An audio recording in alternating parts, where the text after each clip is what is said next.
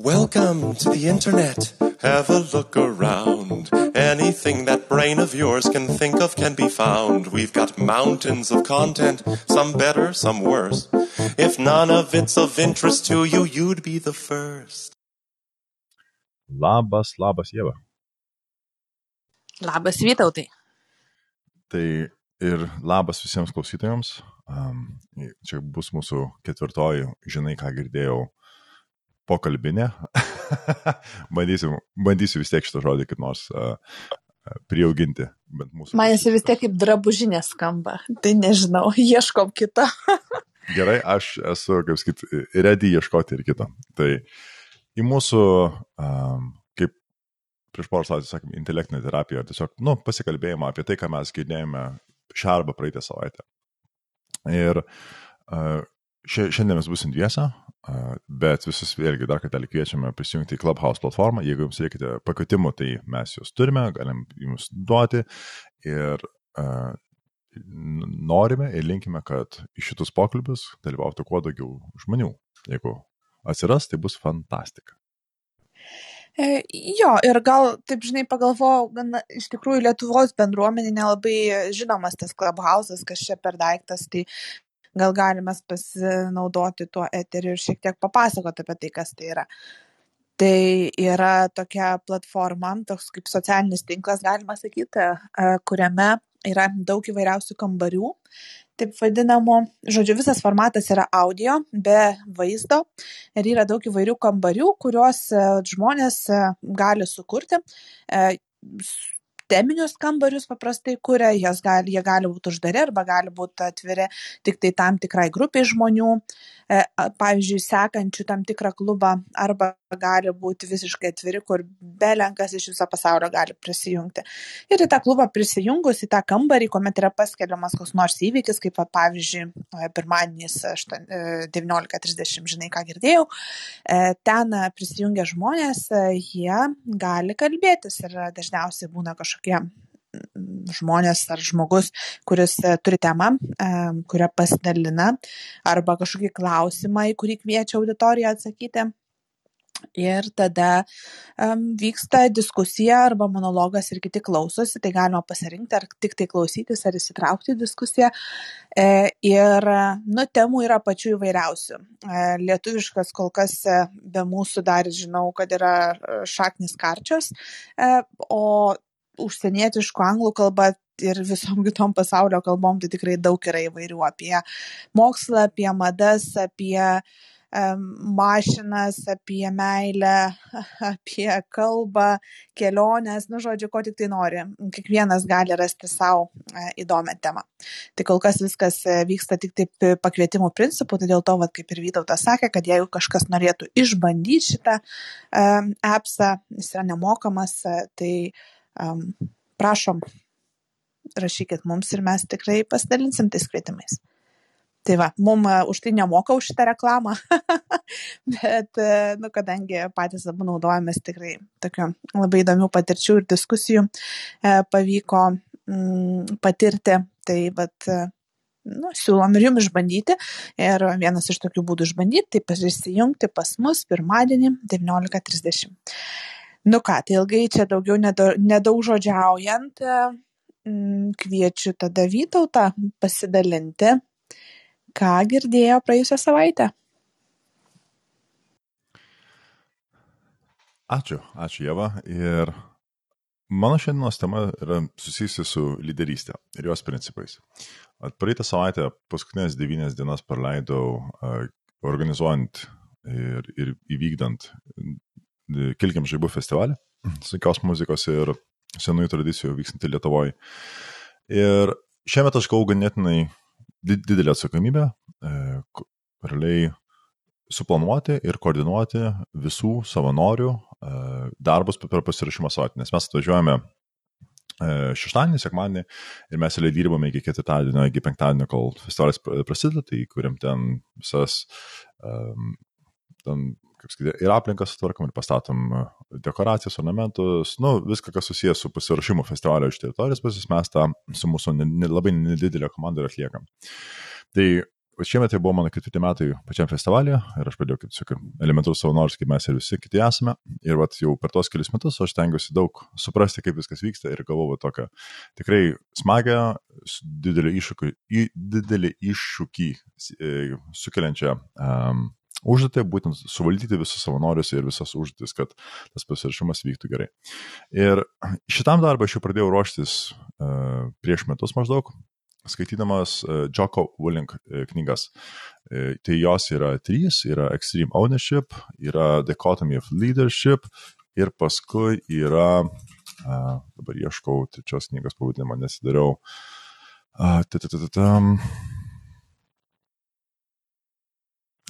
Field Manual. Ai, discipline, jo, Discipline equals Freedom uh, Field Manual. Tai yra trys knygos, kurios yra viena kitą uh, papildančios, būtent apie E, lyderystės strategijas iš e, karo pusės. Joko Willing, pats kaip autorius, jis yra buvęs daugiametis e, Amerikos jūros, jūrų ruonių, The Navy SEALs, specialiųjų pajėgų kom, vadovas, komandar, jo buvo rangas, tai jis vadinasi, jis valdė būrius, valdė misijas ir ir įgytą patirtį per savo karinę karjerą, jis dabar dalinasi įvairių knygų formatuose, taip pat jis turi ir kompaniją Echelon Front, kuri užsiema konsultacijomis savo kompanijoms, nes jis pamatė, kad būtent um, koks yra svarbus lyderio vaidmo ir kokį milžinišką efektą jis turi, arba pozityvų, arba negatyvų. Ir Bet važiuojant į patį festivalį, mes turėjom porą, porą valandų važiuoti nuo Vilnius į, į Varnius. Ir aš įsijungiu vieną iš jo knygų, va, būtent e, Dichotomy of Leadership, kas lietuviškai išvertus būtų lyderystės dichotomija, e, ekstremalios e, atsakomybės prisėmimo iššūkių subalansavimas siekiant lyderio, ly, siekiant, siekiant vesti ir laimėti. Realiai. Jas klausiausi tą knygą ir aš labai džiaugiuosi, kad e, jį man priminė apie vieną labai pamatinį konceptą būtent jo visoj mm, strategijoje lyderystės, tai yra, kad nėra blogų komandų, o yra blogas lyderis. Ir čia skamba tokia truputėlį kaip banali ir paprasta idėja, tačiau per šią savaitę būtent galėjau pamatyti, ant kiek tai yra tiesa. Tai kaip sakiau, pas mus į Kilkim žaibų festivalį suvažiuoja žmonės visi savanoriai. Vadinasi, mes ten jokio atlyginimo negaunam, nei finansinio, nei iš kitų pusių. Mes tiesiog visi norim prisidėti prie šio, šio projekto ir pamatyti jį gyvenimą kuo, kuo geriau. Vadinasi, kiekviena, kiekvienais metais yra, skaičiu, koks 50-60 procentų tų pačių savanorių, kurie atvažiuoja ir mes turime truputėlį naujų. Šiemet tas balansas buvo labai pakeis, pasikeitęs, kadangi mes turim tik keturis naujus žmonės. E, tačiau buvo labai vat, gera proga pažiūrėti, kaip aš, realiai naujas kabutėse lyderis toje vietoje, šnekant apie pasirašymo darbus, kokią aš įtaką pozityvę, negatyvę galiu padaryti. Tai klausydamas įvairių patarimų toje knygoje, kaip tarkim, e, realiai vat, geras lyderis, jis vienas iš svarbiausių konceptų yra, kad turi dirbti ant e, ryšių, relationships, santykių. Tai išnekama apie santykius su savo tarkim, bosų, ar kas yra virš tavęs organizaciniai hierarchijai, taip pat kas yra po tavim ir kas yra toje pačioje horizontaliai. Nes realiai kiekvienas santykis, kurį tu sukuri, kelia pasitikėjimą, e, kelia, e, kas kit, tai yra lengviau bendradarbiauti kartu ir kaip pasiekmė tikimybė, kad misija, kuriams reikės įvykdyti, bus sėkminga, yra didesnė. Kitas konceptas, kas man iš karto gerai, kad ta knyga priminė, yra, kad reikia pasirinkti, kada ir su kuo kovoti. Iš tos pusės, kad pavyzdžiui, jeigu tu turi kažkokią, nu, yra darbas, kurį reikia atlikti ir tavo pavaldinys tu sako, a, bet aš turiu geresnį idėją. Nu, bent jis tai, nu, jokiamis taip atrodo. Ir girdėdamas tą idėją, tu galvoji, nu, yra, tarkim, 80 procentų yra kaip mano.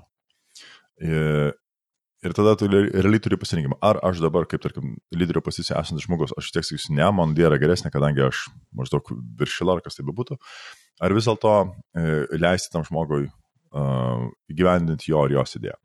Ir anot Joko Willing, teisingas sprendimas tokį vietoj būtent yra duoti žmogui, tačiau leisti tam žmogui įgyvendinti savo idėją. Nes visų pirma, pirmą, tai tu duodi pasitikėjimą iš to žmogaus pusės į, į save. Vadinasi, tu, tu moki klausyti, tu moki išgirsti ir tu moki priimti naujas idėjas, kas, manyčiau, visi dirbantis komandoje nori, kad žmo, žmogus, kuris juos prižiūri, vadovauja jiems, turi šitą gebėjimą. Antra, žmogus, kuris įgyvendinti savo misiją, savo uh, sugalvo, sugalvotą planą.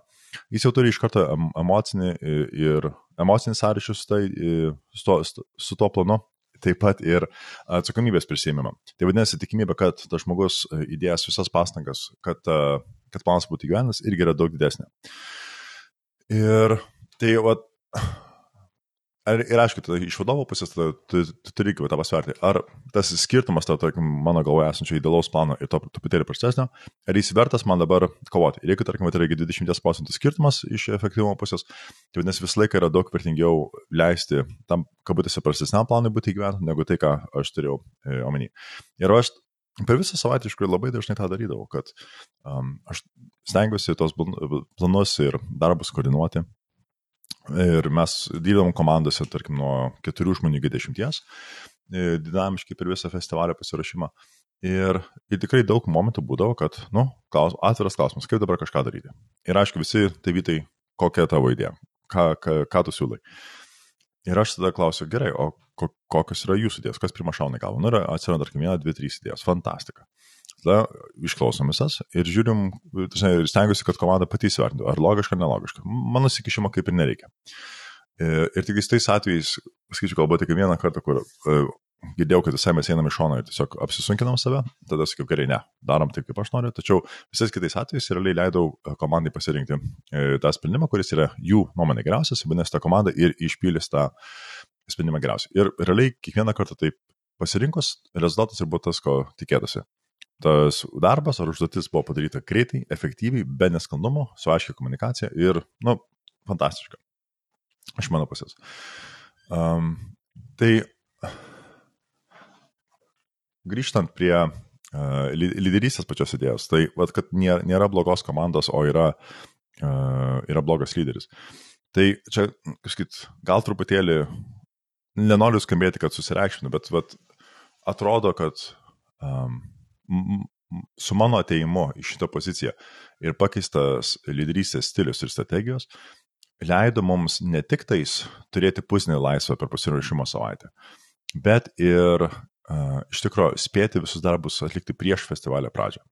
Kas bent per mano keturis metus esant tenais, tas niekada nėra buvę, net ir su didesniem komandom. Tačiau mes šiemet turėjom berots 18 žmonių, šitą, ar 16, ne, 16 žmonių per pasirašymą savaitę, paskui mums truputėlį patogiau, o tarkim 20-am, uh, kilkim šiaip festivalį, kuris įvyko prieš du metus, mes turėjome apie 40. Ir net ir su beveik trigubai didesnė komanda, mes vis tiek, negab, mes vis tiek prie festivalio dieną, kai jau atsidarė, kai jau grupės lipa ant scenas, mes vis dar lakstėm, stengiamės pabaigti tos paskutiniosius darbus, kad jau galėtų, kaip pasakyti, visi užimti savo pozicijas per patį festivalį. Ir Ir kaip, tai čia jau, tarkim, iš festivalio pusės, kur, kur mačiau tikrai milžinišką efektą. Iš kitos pusės, aš jau, kai išnekėjausi su, e, su nu, komanda, su savanoriais, iš visų realiai išgirdau, išgirdau tą patį dalyką, kad jo, šiemet buvo daug ramiau, nes buvo daug mažiau um, konfliktų, daug mažiau chaoso. Ir aš tai irgi labai tiesiog asociuoju su, e, va, mano ta parinktas tokia, kad žmogus pats, jis, jeigu pasirenka planą, vadinasi, jis žino, kaip įgyveninti. Ir jeigu tas, kaip sakyti, yra pakankamai arti tos visos, kurios mums reikia, tai tas gyvenimas vyks e, daug paprasčiau, negu kažkas kažkam komanduoja. Ir jeigu tada atsiranda žmogus, kuris nenori klausyti autoritetinių figūrų, tada tai vadinasi yra pradžia konfliktui. Na, nu, kaip sakyti, ir viskas užsisko labai dažnai, ką mes matydavom būtent per paskutinius kelius metus e, pasirašymo savaitėmis. Tai va. E, Tai va, čia tos tokios kelios idėjos, kur Toje, knygoje yra daug įvairių idėjų, būtent susijusių su lyderystė ir, ir būtent ką, ką reiškia būti vadovu, tas balansavimas tarp, uh, tarkim, būnant visiškų autoritarinių, uh, maždaug lyderio pozicinį turizmų arba tirono ir kitą pusę, aišku, kuris visiškai yra paleidęs visas vadžias. Ir tu visą laiką ieškai to balanso. Ir paskui čia gal pabaigiant truputėlį noriu prisukti e, tą lyderystės temą į asmenybę, į save. Ir sakyčiau, žinai, jeigu aš mastau apie savo gyvenimą ir kaip jį noriu konstruotis, tai gaunasi, kad žinau, kad aš esu savo lyderis savo gyvenime. Ir tada vadinasi visas tos pamokos, kurios, yra, kurias rekomenduojame pritaikyti būtent jeigu esi lyderio pozicijai su savo komanda, su e, ar tai savanoriai, ar, ar tai yra kompanija, ar tai armija, ar kur tai bebūtų, atrodo, kad jis taip pat lygiai taip pat galima pritaikyti savo pačiam. Ir tai, mm, gal kaip čia gražiai užbaigti, kadangi jau ryškiai mano nuovargis truputėlį įma viršų šiuo momentu, tai tiesiog pasakysiu, Labai rekomenduoju tas knygas, tai yra Extreme Ownership, Dichotomy of Leadership ir Discipline Equals Freedom iš Jocko Willing. Ir tikiuosi, kad išvalgos apie lyderystę pravers jums ir profesiniam pasaulyje, jūsų gyvenime ar karjeroje, kur tai būtų, bet ir jūsų uh, pačio savigdoje.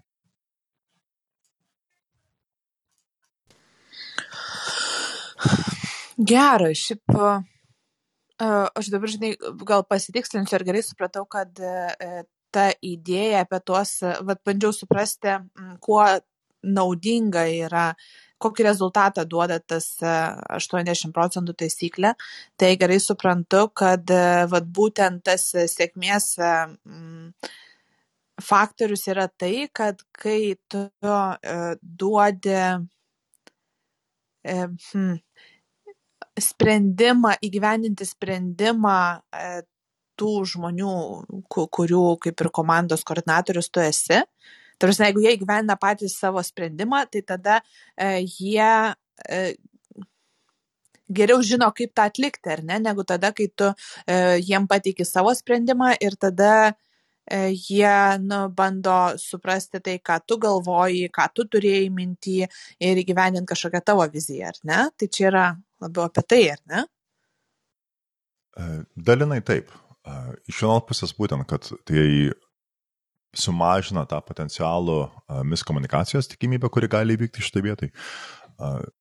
Svarbesnis momentas, man atrodo, yra, kad skirtumas yra tau to, kad jeigu tau reikia kažką padaryti, tai jeigu tau yra tai pasakyta, kad tau reikia padaryti, tu nedarai, ar tu pats darai, ką sugalvoji, pats darai, ką nori.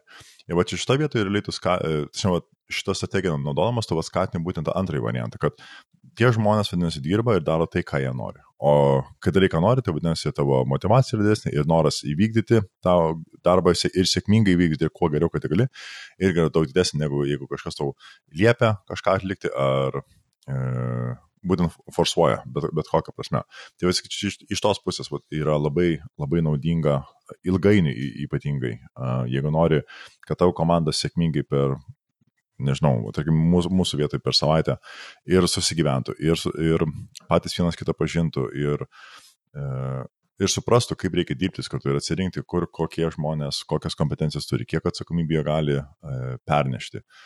Tai manyčiau, kad šitas metodas labai gerai veikia, nes tada pamatai, pirmą, ką žmonės nori veikti, nes įgyvendinant jų idėjas labai gražiai tas pasimato. E, ir kaip pasiekmėjai, tada aš kaip lyderis atrodau geresnis, kadangi aš girdžiu, klausau ir, kaip sakyti, nesu tironas, kuris būtent tik diktuoja, ką reikia daryti, bet aš ir klausausi, atkreipiu dėmesį į pastabas ir tada, žinai, liktais tada gaunasi, kad viso, Visi toje hierarchijoje esantys nariai turi vieną tikslą, kad įvykdyti užduotis kuo geriau. Mhm. O koks tada yra tavo kaip lyderio vaidmuo?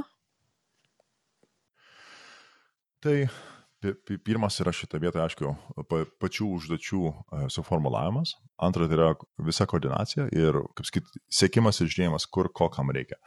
E, man atrodo, kad kaip sakyt, iš, iš vienos pusės aš esu lygiai tas pats žmogus, kuris eina į tas pačias pelkės, ten medžių ieškoti ir visi kiti tos juoduosius darbus dirbti, kaip ir visi kiti savanoriai. Tiesiog aš dar tuo pačiu prisinešu, uh, pasiemęs tą atsakomybę, kad man reikia koordinuoti visus darbus, aš stengiuosi ieškoti to balanso tarp, uh, žinai, būtent kirsti medžius, e, ten nešioti rasus ar kas tai bebūtų ir gebėti įsekti laiką, gebėti įsekti komandas, kurios ką daro, kaip daro ir, ir spėti, kad visi būtų patenkinti. Ir, ir ieškoti va, tų, tų balansų. Tai um, Tai va, čia iš tos pusės, o iš, iš tos pusės tarsi, kai yra toks e, delegavimas vyksta, tai, kaip sakyt, kaip lyderis ne, nebūtinai reiškia, kad aš turiu viską padaryti. Ir kaip lyderis nebūtinai reiškia, kad aš turiu uh, atiduoti visas užduotis kitiems. Tai yra būtent tas balansų ir ieškojimas tarp tų dviejų dalykų.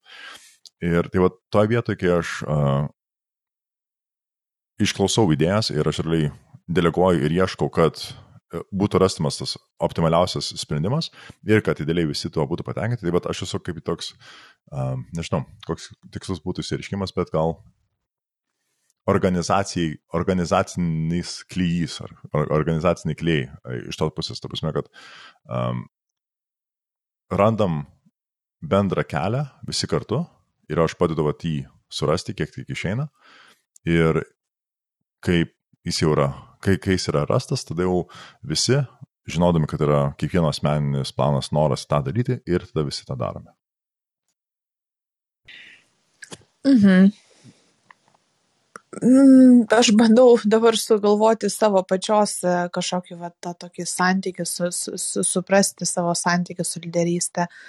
E, ir aš pati šiaip e, labai ne, nu, nepriimtina man vadovauti, nors aš esu ta buvusi ir, ir, ir, ir turėjusi to vadovaujimo patirties, bet man kažkaip tas toks visą laiką nu va tas galvojimas apie apie žmones apie nu va tas man kad visą laiką savo galvoje turi turėti visą tą grupę žmonių kaip jie jaučiasi man tas tokį stresą varo kad aš kažkaip tai visą laiką atsisakau tų galimybių koordinuot kažkokią veiklą. O jau kai tenka prisiemu ten kažkokią ar darbo grupę ar panašiai tai toks visą laiką būna tokio nu pakankamai įtempto įtemptas e, procesas. Ir dabar, žinai, kai tu sakai, kad e, kelis kartus net pakartoji, kad lyderio užduotis yra, vat, na, ką tu darai, tai tu stengiasi, kad visi būtų patenkinti. Tai man tokio vat, labai labai tas vat, iškilo nu, panašus jausmas ir nu, toks kažkaip net sunku patikėti, ar, ar tikrai, nu, kaip tau sekasi su tuo tvarkytis, kaip tu jautiesi tame, vat, keldama savo lūkesti, mm, padaryti, kad visi būtų patenkinti. Um, man tai ir yra, sakyčiau, viena iš pagrindinių motivacijų būti lyderio pozicijoje, nes man, aš labai nemėgstu, kai yra neefektyvumai, vienokie ir kitokie, tai ar tai darbė, ar komanda, ar kas tai būtų. Ir jeigu aš galiu padėti tos neefektyvumus sumažinti, vadinasi, visi, greičiau padaro užtis, maloniau padaro užtis, ar per bet kokią kitą prizmę, aš matau, kad yra, kaip sakyti, vertingas laiko ir energijos panaudojimas tai vietai ir tada apsėmė tą daryti. Jeigu vat, paimant vat, iš komandos, tarkim, prasė, kiek mūsų būtų 30 ar kiek yra suvaldoma, siekis, kad visi yra patenkinti, tai nereiškia, žinai, kad ten yra lepinami ir visi kita. Ne, kad tiesiog vadinasi, kad užduočių darimo eigoje e, visi jaučiasi, kad jie daro kažką vertingo, jie yra laimingi, kad yra, kad ne tik gal nelaimingi, o jie, jie žino, kad turi um, prasme. Va, taip, gal tai yra, kad prasmingas laikas ir energija jų naudojama. Ir, ir va, tą padėti sukurti ir, ir tą, tą padėti gyveninti būtent iš lyderio pozicijos man ypatingai patinka ir um, Ir net ne, gal net ne kiek pats procesas, bet realiai matant rezultatą, kai tos užduotis yra atliekamos ir, kaip pasakymė, visi šypsosi, vien, visi vienas kitą palaiko ir, ir rūpinasi vieni kitu. Tada žinau, kad, a, vadinasi, kažką darau teisingai. Nes kaip kita pasiekmė, kitoj medalio pusėje būtų variantas, kai irgi užduotis padaryta, bet visi keikės vienakiu, ten stumdosi, žinai, yra nepatenkinti, ten nesidalina ar vandenį, ar maisto, ar kas tai bebūtų. Nu, yra tie, ta, nu, skirtingos prizmės. Ir trumpalaikiai, jeigu man reikia kažkokia užduotis privalo būti padaryta dabar, ir jeigu, tarkim, jungi tirono tokį, žinai, režimą, kad ten su patagu maždaug visi darom, darom ir padarom, nu taip, trumpalaikis toks trumparegiškas mąstymas, kad man reikia, kad užduotis padaryta ir yra padaryta, įvyko. Tačiau ilgainiui tai yra absoliučiai destruktyvus būdas uh, eiti į priekį su komanda ir tad, uh, kadangi pats festivalis yra tik už savo, beveik savaitės nuo visų darbų pradžios, tai vadinasi, reikia ieškoti konstruktyvaus būdo. Ir va taip kiekvieną kartą su kiekviena užduotim jeigu išeina dar ne tik užduotis įvykdyti, bet įlipdyti tą komandą per va, tas būtent prasmės jiems davimą ir patiems jautimą, kad žino, kad uh, visa veikla, ką jie daro, jiems patiems yra smagi, jie to nori. Tada ir gaunasi, kad ta komanda lipdusi ir užduotis darosi ir toks labai, nu, čia gerai, um, aš dabar neatsimenu, kaip vadinasi tas uh, asinergija, va, tai gaunasi, kad sinergija taip ir, ir organizacinės pusės, ir žmogiško resurso, E, ir, ir tiesiog bendro, skait, veiklos įvykdymo. Nežinau, man matant tokius rezultatus, tik tai skyla ūpas ir motivacija, kad daugiau darom, darom, darom, kadangi, nežinau, ar at, dirbant komandai, kas kariai bus smagiau, kai yra ne tik užduotis padaromas, bet jos padaromas dar greičiau, negu visi įsivaizduoja, kad yra galima, ir tuo pačiu yra visi dar laimingi, kai tai yra padaryta. Tai yra super. Tai yra tiesiog super. Štai man labai gražiai nuskambėjo ta tavo mintis, kad siekis, kad žmonės jaustųsi, jog jų laikas yra išnaudojamas prasmingas. Aš manau, kad tas darbe irgi yra na, labai svarbu ir dažnai tampa tokio nepastenkinimo šaltiniu, kai um, tu jauti, kad na, tu biški švaisti savo laiką arba matai daug vietų, kur tie procesai galėtų būti kur kas efektyviau sukoordinuojami, bet tavęs negirdi, kai tu siūly tuos, siūly tuos pakeitimus.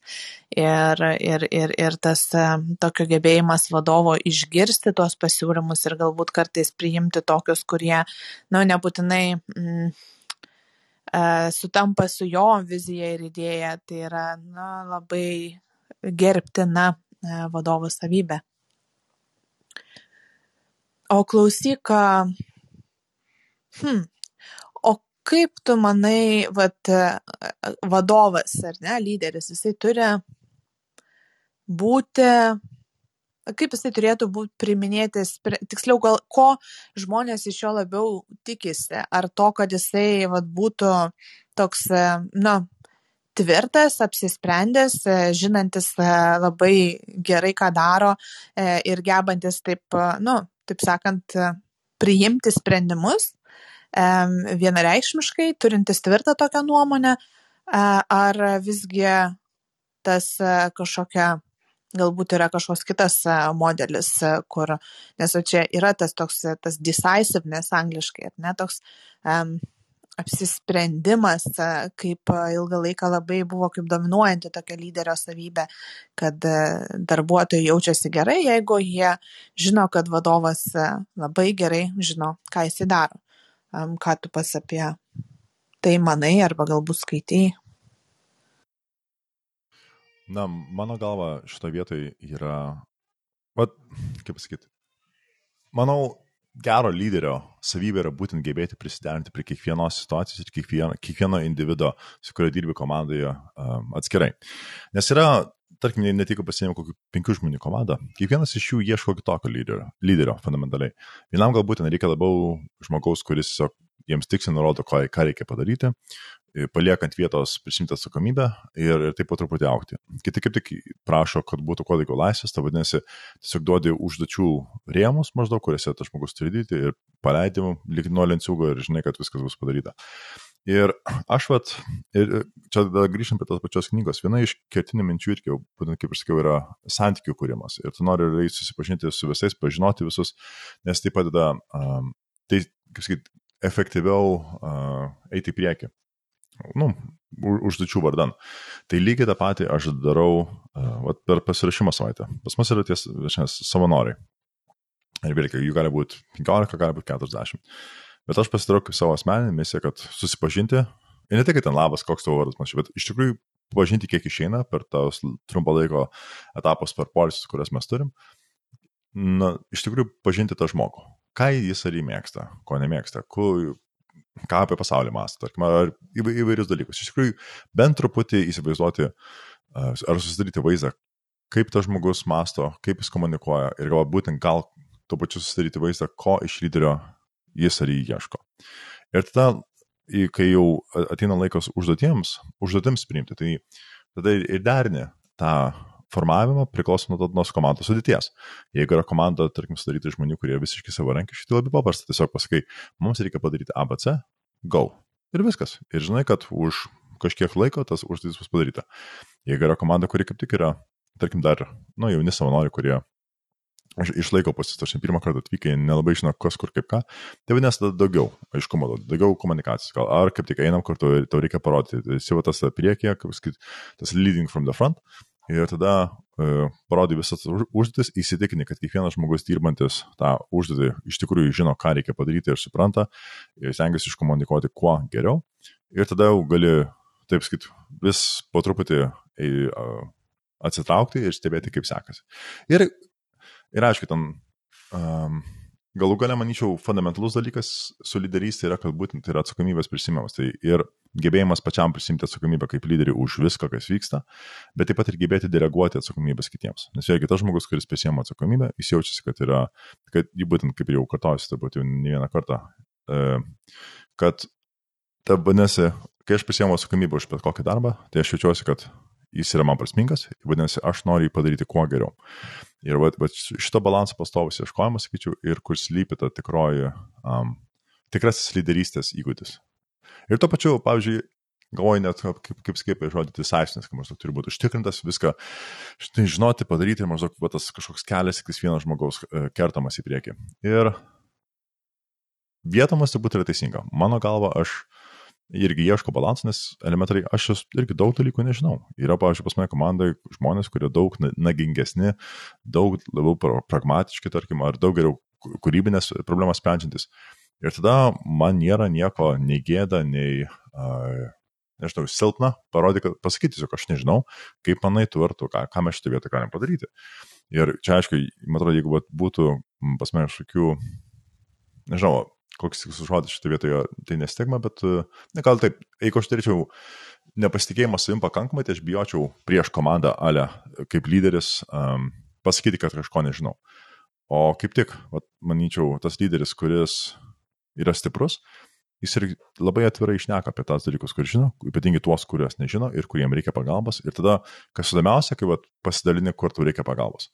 Žmonės ir nori padėti ir padeda. Ir tada vėlgi, uh, ir, ir tie, tie komandos nariai, kurie gebėjo padėti, tarkim, lyderiui ir, ir vadovui ir to pačiu tą užduotį įvykdyti, jie ir patys geriau jaučiasi ir tada kito komandos, um, kitų komandos narių atžvilgių jie ką tik tapo stipresni.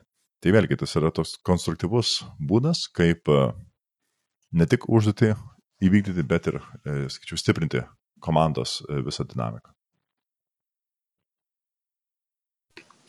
Mhm. Um, nu ir man, nu, man patinka, man šiaip labai artimas tas požiūris, kad mm, visgi lyderis gali e, pasakyti nežinau ir kad galbūt lyderio labiau vaidmuo yra pasi, e, pasi, išnaudoti komandos narių potencialą, tai yra atpažinti, kur komandos nariai yra stiprus ir e, leisti jiems nu, pasi, pasireikšti ir išnaudoti tas savo stiprybės. Tai, tai va. O šiaip tai iš tikrųjų, žinok, ne veltui to paklausiau, nes apie tą, kiek lyderis jisai gali sauliaisti abejoti, ar kiek jisai turi būti va, tas toks decisive, apsis, apsisprendęs, labai tai, tai yra dalis ir mano temos, E, apie kurią e, pati šiandien galvau, kad noriu pasidalinti. Ir visa tai ateina iš, irgi iš knygos, e, kurią dabar audio formatu klausau, Adam Grant Think Again. Tai yra galvok iš naujo. Ir ta knyga jinai, aš ją ne visą e, perskaičiusi, aš apie ją per vieną iš podcastų sužinojau ir kažkaip jinai šiemet yra tik tai išleista. Žodžiu, jinai yra apie tokį mokslinį e, galvojimo, mąstymo metodą. E, ir kažkaip tai pagalvojau, kad e, esi pats nemažai kalbėjęs e, tą temą apie, apie tą racionalų mąstymą ir apie tai, kas veikia žmonės, e, kad ir tam epizodė, kur kalbėjai apie e, klimato kaitą ir paniką dėl klimato kaitos ir kas tenais atsitinka, kad žmonės taip pat um, tos emocinius argumentus naudoja.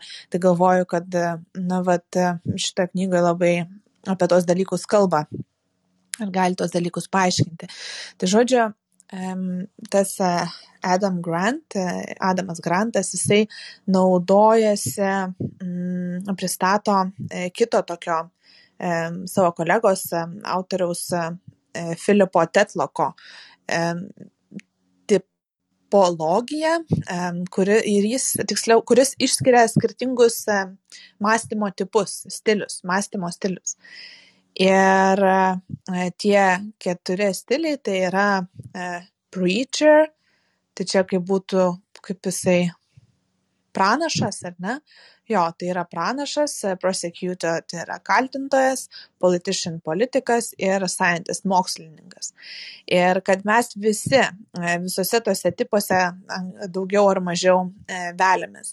Tai žodžiu, yra tie tokie mum trukdantis e, dažniau galbūt trukdantis negu padedantis mąstymo tipai, tai yra tas pranašas ir pranašas, jeigu taip labai bandant trumpai juos apibūdinti, tai mes į jį įkrentam tada, kada mes kažkuo labai tikim, kažkokią savo idėją labai labai labai tikim ir tada, e, kai kas nors jai paprieštarauja, mes tada staiga tokiu buf, tokiu e, šaunam kaip kulka tą savo idėją būtinai ginti, nes na, jinai mums yra labai artima.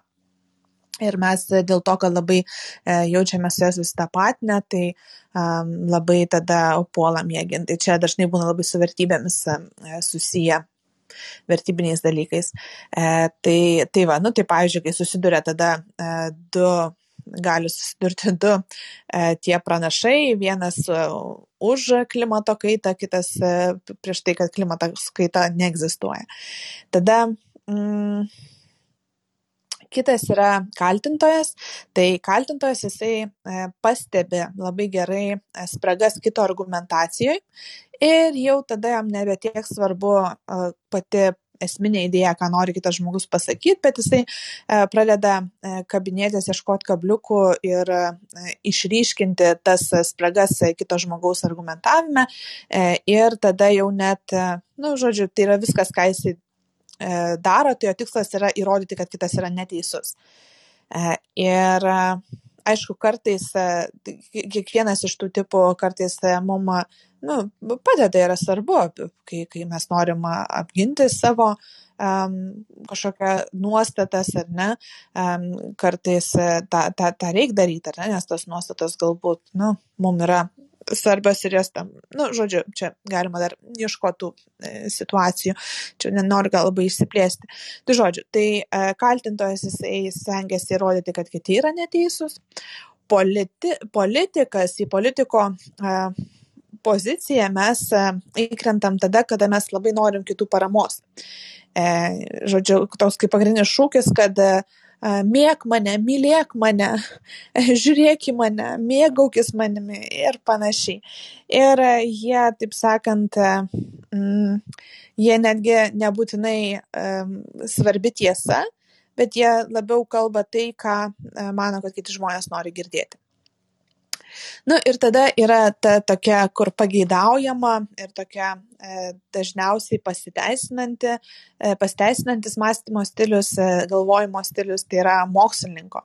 Ir čia esmė yra, kad mokslininkas yra nuolatos nu, pasiruošęs jis yra įsisąmoninęs savo proto ir mąstymo e, ribotumus, kad jisai galbūt tikrai ne viską gali žinoti, e, jis yra e, dvėjojantis, tiksliau gal nedvėjojantis, bet labiau linkęs abejoti tiek tuo, ką galbūt e, kiti labai užtikrintai sako, tai tas tokio pasireiškia kaip kritiniu mąstymu, tiek ir savo e, tiesomis, kurias turi, nesvarbu, kokio jos yra senumo ar kiek kartų jos buvo įrodytos ir pasitvirtinusios, jisai visą laiką e, palieka tikimybę, kad galbūt gali būti ir kitaip. Ir paprastai tas labai padeda ir įvairius mokslinius atradimus padaryti. Ir tam buvo toks labai įdomus knygoje pavyzdys E, sakomas, pasakojamas, kai žodžiu vyko gaisrai. Ir yra tokie laukinio, laukiniai ugnigesiai, vadinasi taip specialistai, žodžiu, kurie laukinėje gamtoje e, gaisrus gesina. Na nu, ir ten būna tie gaisrai labai greitai plintantys e, ir vienas iš tokių atvejų buvo, kuomet komanda išvyko į kalnus miškų gesinti ir gaisras labai smarkiai plito ir tada staiga komanda pamato, kaip vienas iš komandos narių pradeda traukia degtukus ir padeginėja žolę. Ir, nu, jie iš pradžių galvojo, kad, nu, visai stogas nučiažė, išprotėjo, ar ką, ką čia tas žmogus dabar daro.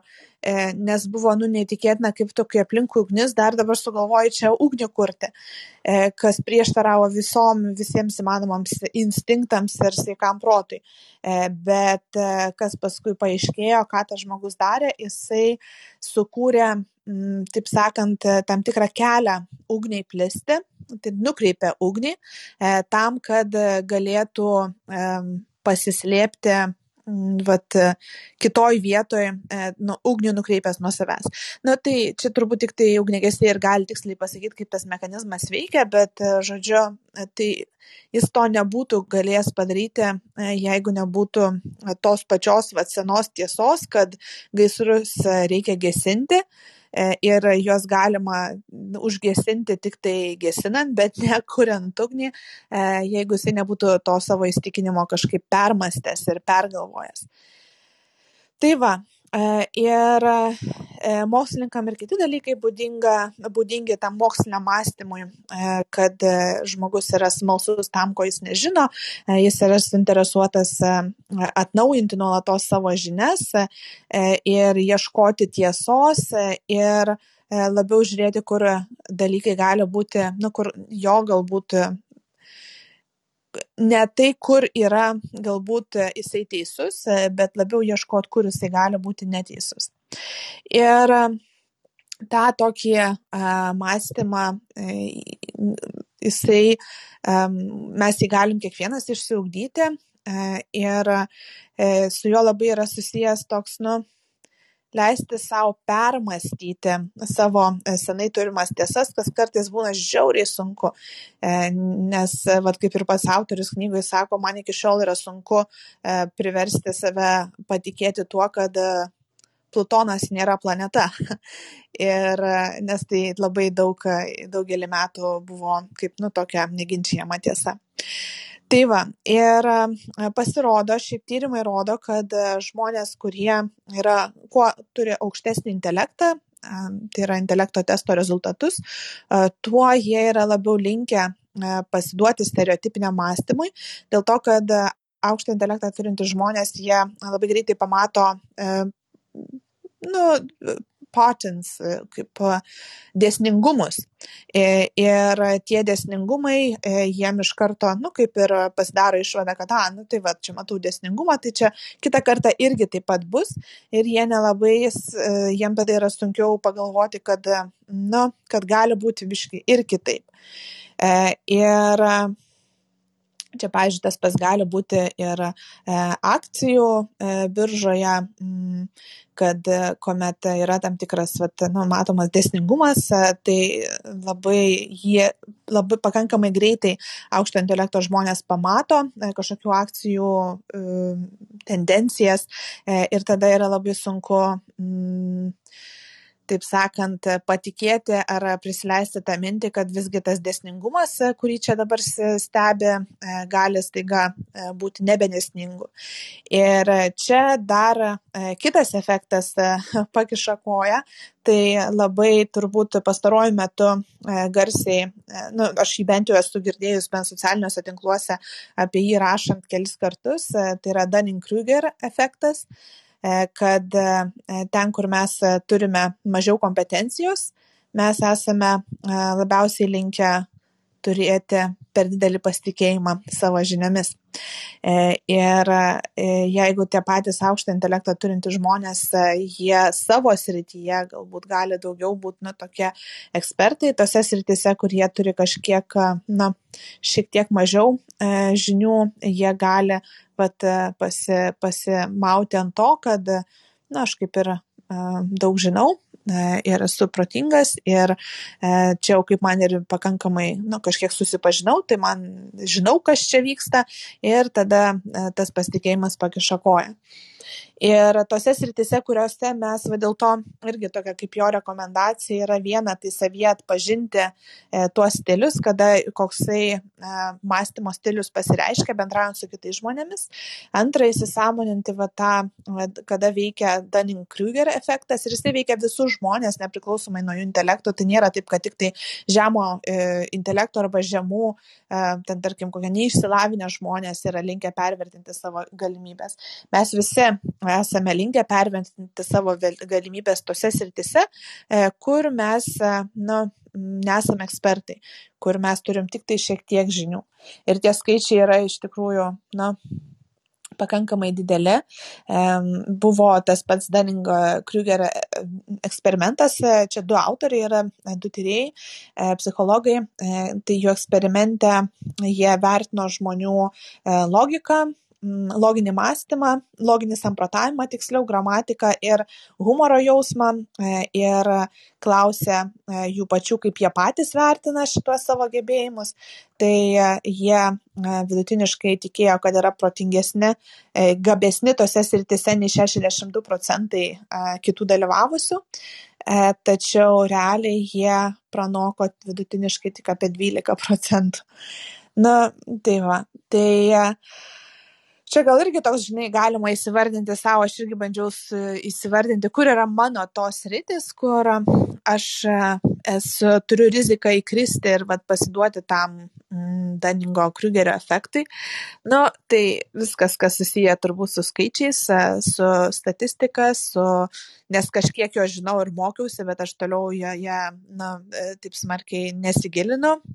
Čia yra mano ta tokia rizikos zona. E, kita mano e, rizikos zona e, gali būti medicina, nes aplinkui turiu ir gimini, tarp giminių gydytojų ir apskritai biomokslai, mano brolius yra molekulinis biologas ir biochemikas, tai žodžiu šitos rytis, kur aš kažką žinau, nes tarsi patikima, patikimi man artimi žmonės man pasakoja tos dalykus, bet realiai tai tas mane padaro jautresnę vat e, tokiam, žodžiu, kur manau, kad žinau, bet iš tikrųjų tai pervertinu savo žinias dėl to, kad tiesiog per mažai išmanau tą sritį. Ir tada jau užbaigiant atsakymas, e, kokia yra siekiamybė Tai ir kas padeda, vat, kas man labiausiai išstrigo iš va to mokslininko stiliaus mąstymo, tai yra confident humility, tai yra pasitikėjimas ir kuklumas tai aš e, ir tas balansas tarp šitų dviejų. Tai iš esmės e, tas humility arba toks kuklumas jisai pasireiškia tada, kai mes e, leidžiam savo abejoti, sakyti, kad aš ne, ne, nežinau, kad aš galiu klysti ir tas atveria duris į um, atsakymus ir į, na, tokias sudaro pakankamas sąlygas tiesos paieškoms. Kažkaip jaučiuosi, aš labai jau išsiplėčiau, bet nežinau, kiek pavyko konstruktyviai papasakoti, man tokio, nu, labai įdomių ir naudingų savo minčių e, pametėjo. Žiauriai įdomu, geras. Aš be kalbant tau jau nusipirkau tą knygą, audio knygą, tai e, tikrai perklausysiu. O tai tau, galėjau paskolinti šiaip. A, jo, reikės tai išmokti. Um, o kaip žinai, apibūdintos keturis mąstymo tipus, tai pranašo, kaltintojo, mokslininko ir politiko kurį tu, jeigu taip žinai, rezimuoji, tarkim, kasdienybę, kurį tu pastebi, kad daugiausiai naudoja, man įdomu. Hmm.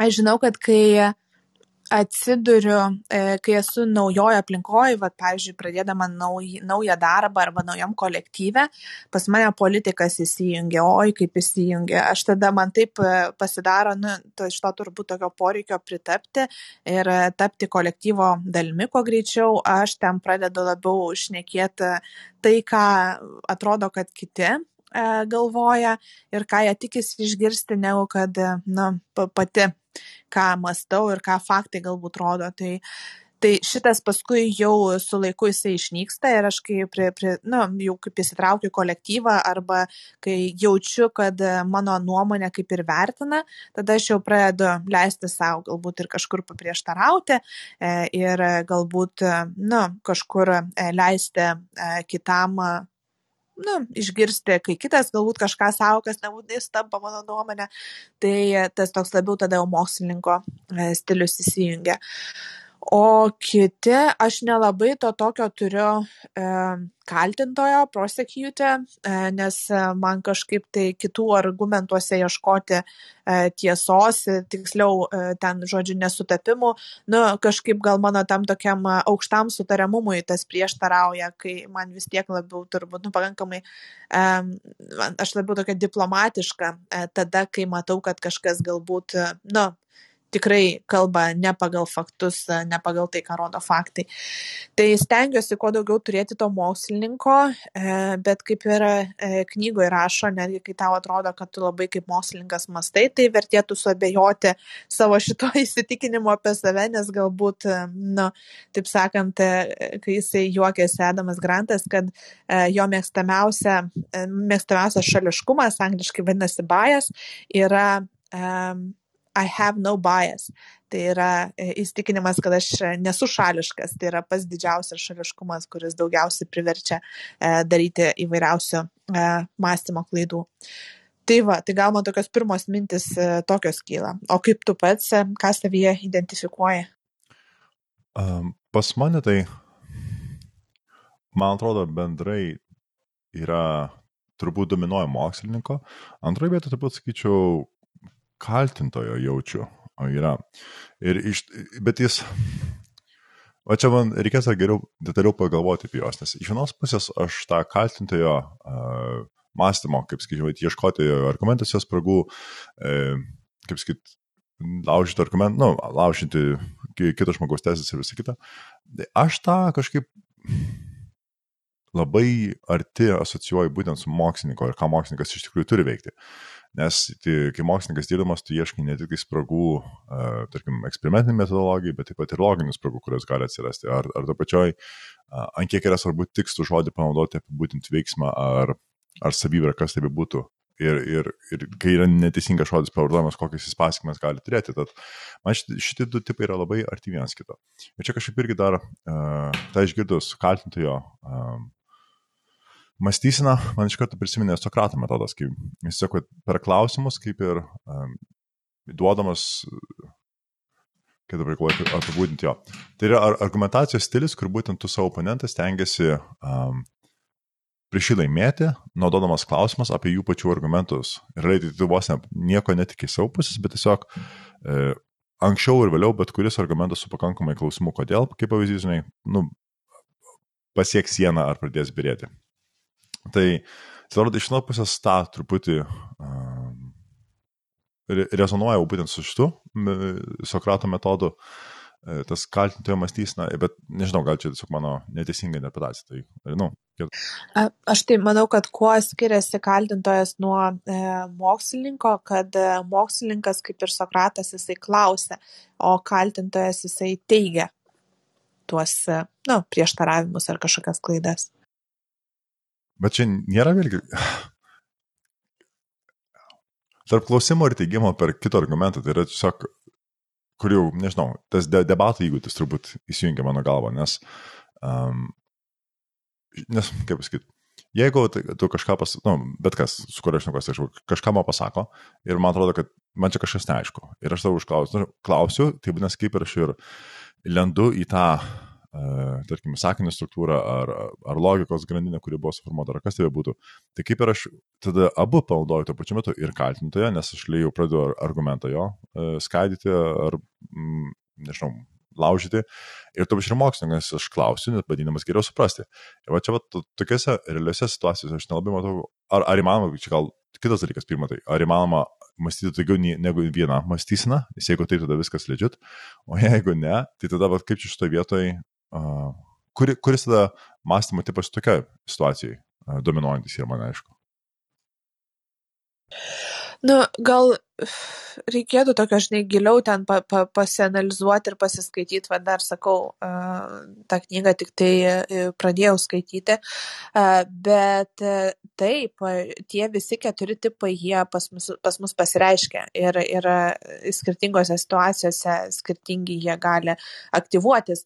E, tai nėra taip, kad mes vat, kažkurių iš jų nenaudojam. Naudojam visus, tik tai jie gal skirtingom aplinkybėm pasireiškia. Nu ir Uh, man žinai, gal tas kaltintojas, jisai toks uh, labai, uh, jisai, nu, bent jau aš kaip įsivaizduoju, eina su tokiu labai, nu, kažkokiu tokiu uh, radikalumu, nepaliekant abejonės, kad gal tu, pavyzdžiui, netaip supratai tą žmogų, arba galbūt e, tu kažko nežinai e, ir dėl ko tau atrodo, kad jisai klysta.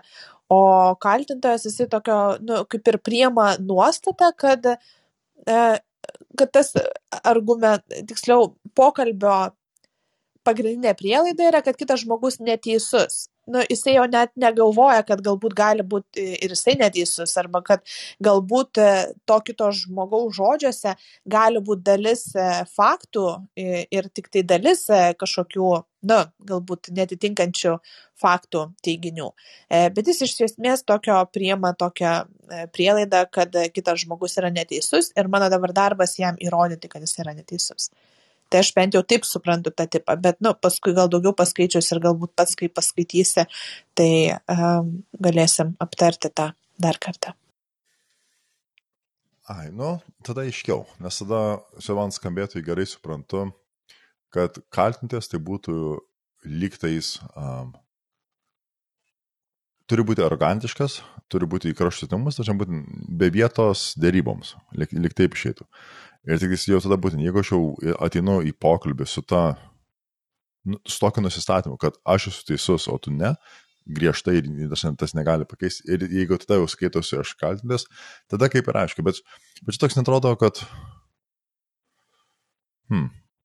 Netrodo, kad labai konstruktyvus mąstymo būdas. Bet, nu, aišku, yra vietomis, kuris uh, tikrai naudos savo irgi turi. Hmm, įdomu.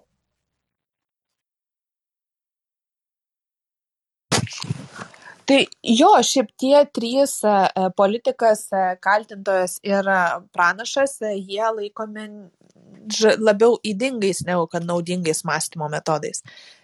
Ir tas mokslininko mąstymo, ne metodas, tiksliau stilius, jisai laikomas kaip siektinu. Tai jo.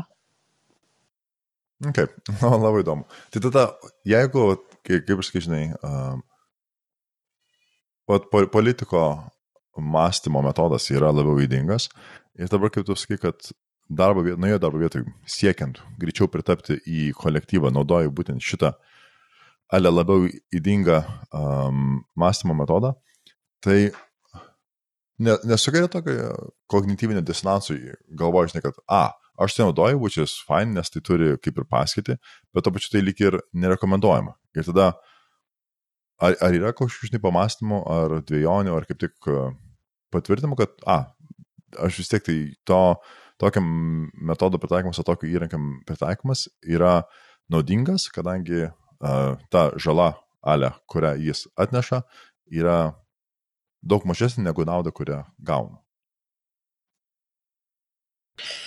Aš nesididžiuoju, kad aš šitą metodą taikau. Čia toks yra labai uh, ne, sakyčiau, čia labai va tie į, trys vengtini mąstymo stiliai, jie labai, e, jiem įtaką daro e, emocijos ir pasąmoningi procesai, tas pats pasitikėjimas savimi ir panašiai.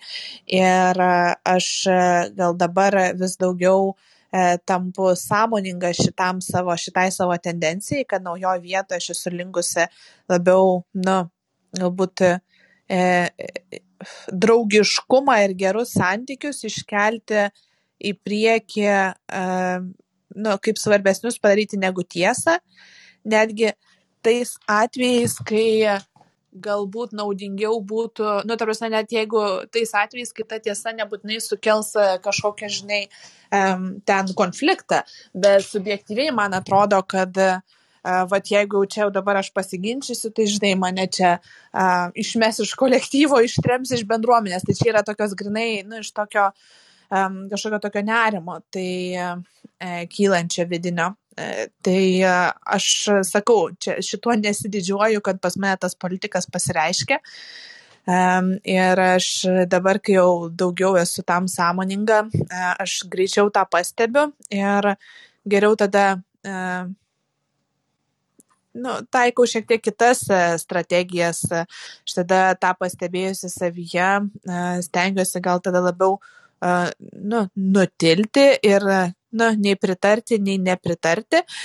Ir tada pasistengti po jau sustikimo susirinkti daugiau argumentų, kad pagrysti savo poziciją užuot, nu, jo, ir tada pagrindžiant tą poziciją, išlaikyti ir tą savo uh, kaip čia, mm, diplomatiją ir norą būti, palaikyti draugiškus santykius ir tuo pačiu tą tokio siekį visgi nu, bendrą gerą rezultatą sukurti. Tai va, tai tas šitas stilius jisai būna, kad kartais pasireiškia pas mane, bet jeigu anksčiau aš tiesiog, nu, jam kaip ir pasiduodavau ir nelabai būdavau tam sąmoninga, tai dabar aš stengiuosi mm, keisti ir, ir tas savo strategijas. Na, supratau, jo.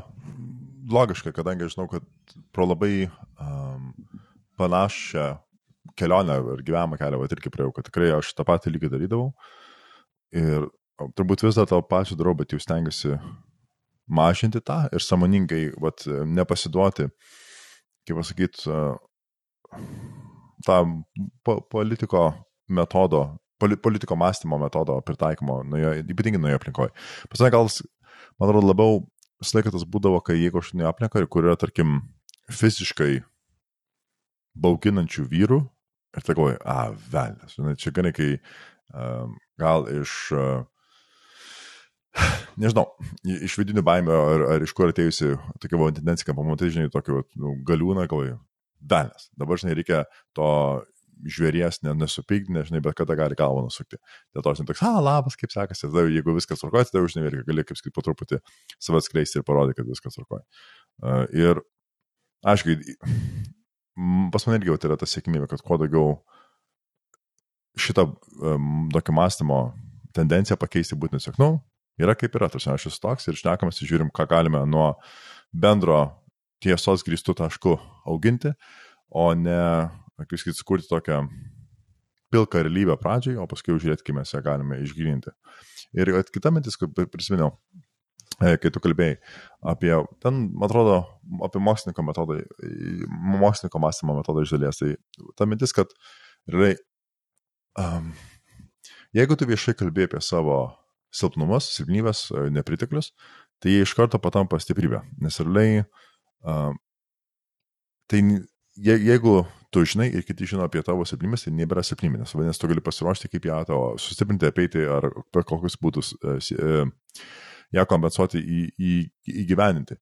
Ir, ir vat, nes, kaip sakai, žinai, kad mokslininko mąstymo metodo, jeigu jie tu stengiasi būti toks, kaip sakai, atviras, atviras nežinomybei, atviras kuklumui ir laisvai priimti faktą, kad, o, suklydau, nežinojau, ačiū, dabar esu fantastikas, žinai, kažkas geriau nuo to išėjo ir taip įdėti prieki. Tai manau, kokia tavo mintis apie būtent tą, kad atvira silpnybė yra stiprybė.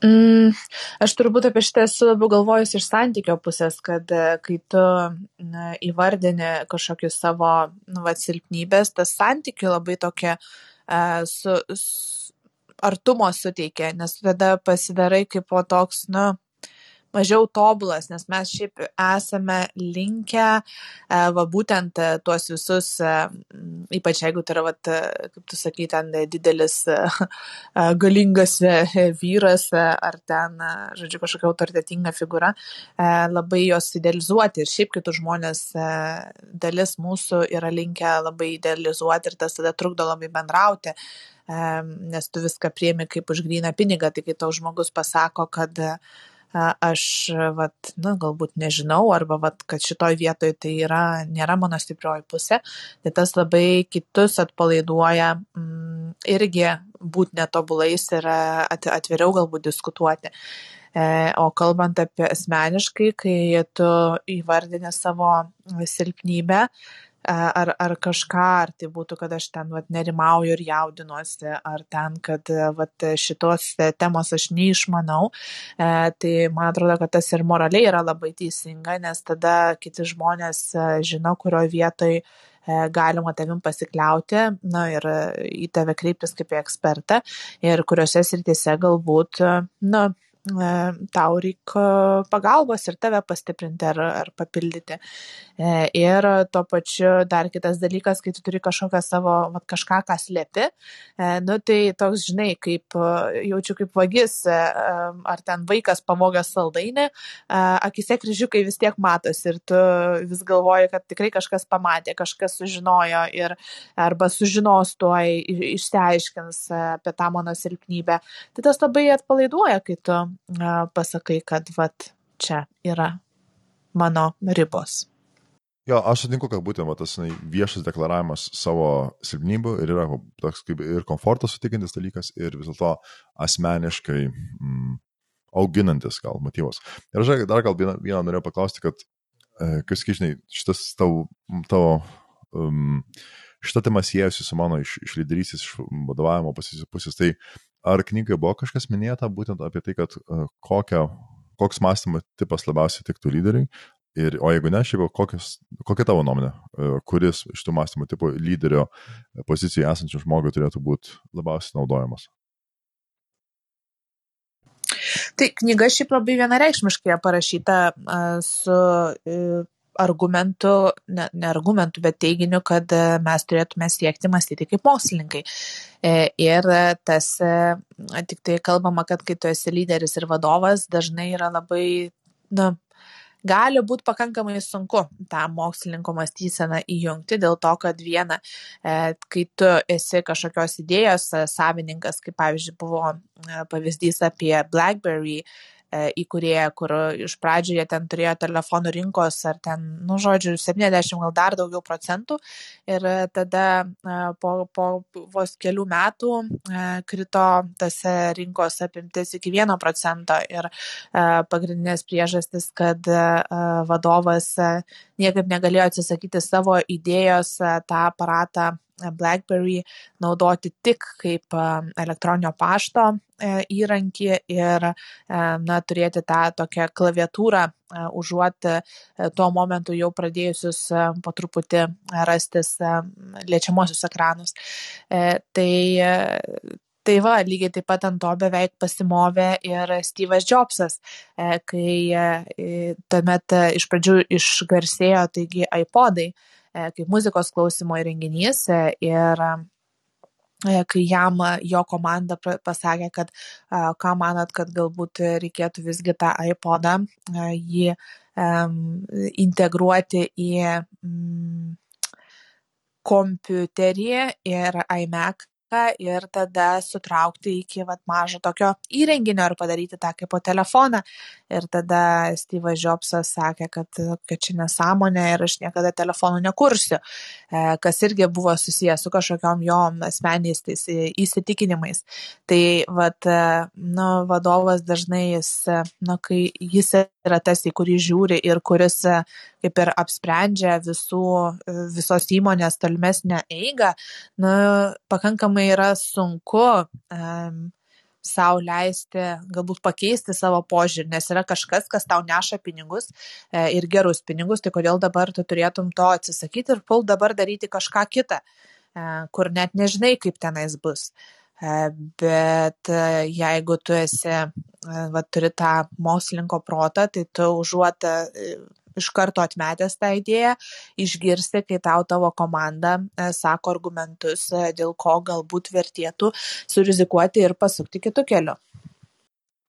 Nu jo, logiška, logiška.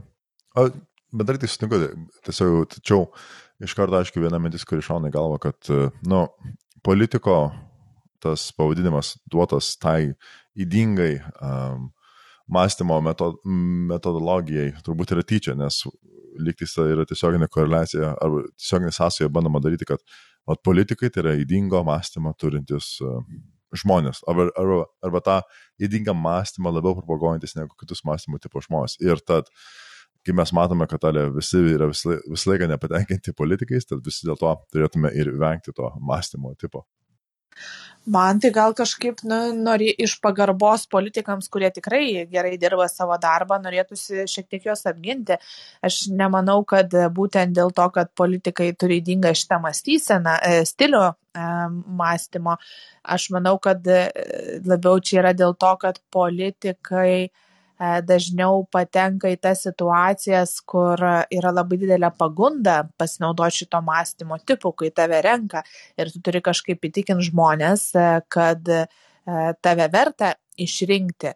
Ir vienas iš lengvesnių būdų tą padaryti, tai išgirsti, ko tie žmonės nori ir pasakyti, kad tu jiems tą duosi. E, bet e, tai aš manau, kad tas labiau susijęs tom aplinkybėm, kai tu, vat, e, tavo darbas yra, tavo pozicija yra renkama, renkama ir tu tada turi kažkaip pagrysti, kodėl tave turėtų rinkti ir, na, kartais pasakyti to lengviausiu keliu. Tai man atrodo, kad gal labiau taip, nes taip visiškai, žinai, nurašyti dabar politikus. Aš manau, yra kitų priežasčių, dėl ko e, politikų žmonės amžiai skundžiasi politikais, nes, nu, visi nori gyventi geriau ir e, visi mato trūkumus. Ir va šičia yra tas kitas fenomenas um, couch quarterback, žodžiu, kad e, kai tu sėdi ant sofos, tai tu labai gerai žinai, kaip tenais reikia žaisti, treniruoti komandas e, ir, žodžiu, esi toks visas labai išmanantis, e, kaip visą žaidimą koordinuoti ir kodėl iš tikrųjų tie krepšininkai ar ten kas pralaimėjo. E, bet, na, nu, visai kitaip yra, kai tu tenais sėdi ir tos dalykus pasidarai savo rankomis. Tai čia, man atrodo, politika, kadangi jie yra labai ant nu, tokio piedestalo, ta prasme, iš tos pusės e, turiu minti ant vitrinos gal tiksliau, e, kad jie nu, labai matomi yra jų veiksmai, tiksliau gal ne veiksmai, o kažkokie rezultatai ir tada reikia kažkam žmonėms surasti kaltų.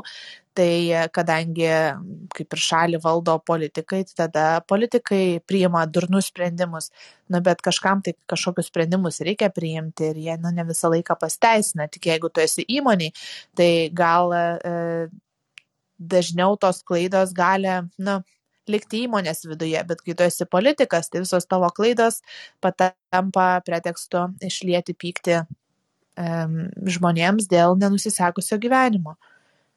Na, nu, tai nežinau, bet čia jau galima, aš manau, galima dar daug, daug, daug, daug diskutuoti. Sutinku, tai iš, iš tos pusės, kad nėra viskas taip paprasta, čia aišku, um, bet gal pas mane, kur galvoje kertasi tos dvi idėjas, kad iš vienos pusės aš aišku suprantu, jeigu tu nori ši, būti išrenkamas, tarkim, į tokį position of power, tai e, darai viską, kas yra tavo galiuose, kad tą padarytum. Bet iš kitos pusės tai yra tiesioginė manipulacija, tarkim, jeigu išrink, nu, apie rinkimą šnekame, savo rinkėjų pusę ir tada jie realiai gaunasi, kad renka kad jie mano, kad renka kažką, kas atspindi juos, nors iš tikrųjų tai yra melas fundamentaliai, kadangi tai, arba, nu, gal, taip nebūtinai melas, bet uh, tai yra ne visiška tiesa. Ir tada, vadinasi, kaip pasakėm, vis tiek šito įrankio kertinis taškas yra būtent per manipulaciją gauti tai, ko nori. Kas neatrodo, kaip žinai, moraliai gerai. Jo, visiškai sutinku, kad tai nėra moraliai gerai. Aš gal ką bandžiau pasakyti, kad, nu, nežinau, gal čia mano ir klaidinga prielaida, bet man atrodo, kad kitose darbuose nu tu kur kas rečiau susi patenki į tokią situaciją, kur tavo um, karjeros ateitis priklauso nuo to, kaip kiti žmonės balsuos ar išrinks tave ar ne. Nuvelnės, nu bendrai ne, kai tu darbinėsi, tai irgi tave renka ir tu esi kartu su kitais kandidatais. Hmm. Nu, nežinau, nežinau, bet gal toks nu turbūt e, tai yra toks stereotipas susiformavęs kad politikai e, e, meluoja ir pučia arabus ir geba šnekėti tai, ką tu nori girdėti, užuot pasakę tiesiai šviesiai, kaip yra, tam, kad, nu, sumanipuliuotų ir gautų savo rezultatą. Nu, bet, nu, jo, bet turbūt to, gal aš nenorėčiau suabsoliutinti su visais politikais. Um, jo. Sutinku, čia sakyčiau, gal net ne kiek su politikais, bet būtent tie žmonės, kurie naudoja politiko mąstymo metodą kaip savo pagrindinį įrankį gauti tai, ko nori, yra, sakyčiau, yra vadinasi didelė tikimybė, kad e, jų veiksmai yra neatspindintis tai, kas jie yra. Ir kaip pasiekmė jie turbūt meluoja ir savo, ir kitiems, ir jo, tai ne, neskamba produktyviai. Na kaip, ne, irgi produktyviai aš iš esmės, bet gal nėra konstruktyviai. Gal taip, gal taip mm, užbaigčiau. Nu, sutinku. Tai kaip ir turbūt mums ir mūsų diskusiją šiandien reikia užbaigti, mm, nes e, kažkaip jau užsitęsėm, bet, na, tikrai, man tas, e, vat, stereotipų klausimas arba, vat, e, kad, na, žinojimas, kaip reikia kažką daryti, kai tu pats to darbo nedirbi, nu, yra labai tokia mm, įdomi tema ir jo, visi yra ekspertai tų sričių, uh, kuriuose patys nedirba, uh, įskaitant politiką. Tai va, tai nežinau. Šiandien tokia, hmm, net nežinau, kaip bandau kažkaip apibendrinti mūsų čia šiandien diskusiją. Tokios labai susijusios temos ir tokios pakankamai abstrakčios galbūt mm, temos, man kažkoks joks apibendrinimas ne, nekyla į galvą, Vytau, tai tu užkrėti mane savo, aš gal šiandien irgi tokia ne iki galo išsimiegojusi. Um, aš tai ja. galvoju, aš truputėlį žaviuosi savim, kad čia skamba pasiklausant savo galvą, bet turint omenyje, ant kiek aš esu išvargęs, vis dar gebėti pusiau ryšliai artikuliuoti mintis, it's, it's good. o jeigu bandint apibendrinti, čia man skamba, kad uh, realiai gebėjimas uh, identifikuoti būtent kaip tu uh, mastai ir kaip tu, gal taip, kaip tu abs abstrakčiai bandai susidėlioti esamą situaciją ir jeigu tai esi vadovaujančių pozicijų, vadinasi, tą perkti kitiems žmonėms, turi milžinišką įtaką, pozityvę arba negatyvę, kaip tu ir tavo komanda um, žengs į priekį. Ar tai, ar tai vadinasi, mes ieškome trumpalaikės naudos ir vadinasi, naudojam, kaip tu skai, tokius metodus, kaip ar tai būtų pranašas ar politikas, kur mes tiesiog norime, kaip sakyti, labai jau griežtai pasimti, ar, ar tas pats uh, uh, kaltintis, kur mes norime pasimti labai griežtą kelią ir um, gauti tik tai, ko mums reikia ir gauti tai dabar ir gal truputėlį savanaudiškai tą daryti, ar mes labiau būtent esame linkę mm, būti atviri kritikai, būti atviri nežinojimui, pripažinti, kad nežinoti ir leisti kitiems padėti savo, kad, kad, kad kiti padėtų, žinai, mums iš, iš tos vietos. Ir, ir va ta drąsa, kuris tuo ateina ir, ir ta baimė, kuri kartu greta ir eina, manyčiau, ir yra va ta siekimybė, kuri padeda gyvenimą gyventi prasmingiau.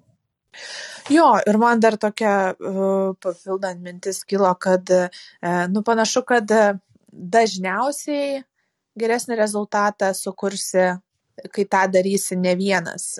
Ir nesvarbu, čia eina kalba apie buvimą e, lyderiu ir vedant komandą link kažkokio konkretaus rezultato, e, ar tai yra tiesos ieškojimas kad kai tu ne, neapsiriboji vien tik tai savo galva, savo idėjom ir savo mintimis, o leidi ir mm, kitiems e, papildyti tavo e, turimą patirtį ir žinias, tai tikėtina, kad surkursi kur kas e, nu, geresnį rezultatą. Arba, kaip sako liaudės išmintis, dvi galvas geriau už vieną. Visiškai teisingai. Tad ačiū Jėva uh, už dar vieną smagę intelektinę terapiją. Ar reikės dar sugalvoti geresnį uh, gal terminą šitam mūsų uh, pasikalbėjimui ir diskusijai. Ir dar kartelį kviečiu visus prisijungti kitą savaitę 19.30 Clubhouse platformai į šitą mūsų pokalbį, kuriame jūs taip pat irgi galite dalyvauti diskusijoje.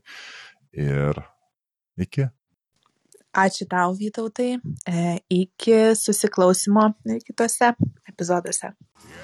To live in the world, to get to the truth.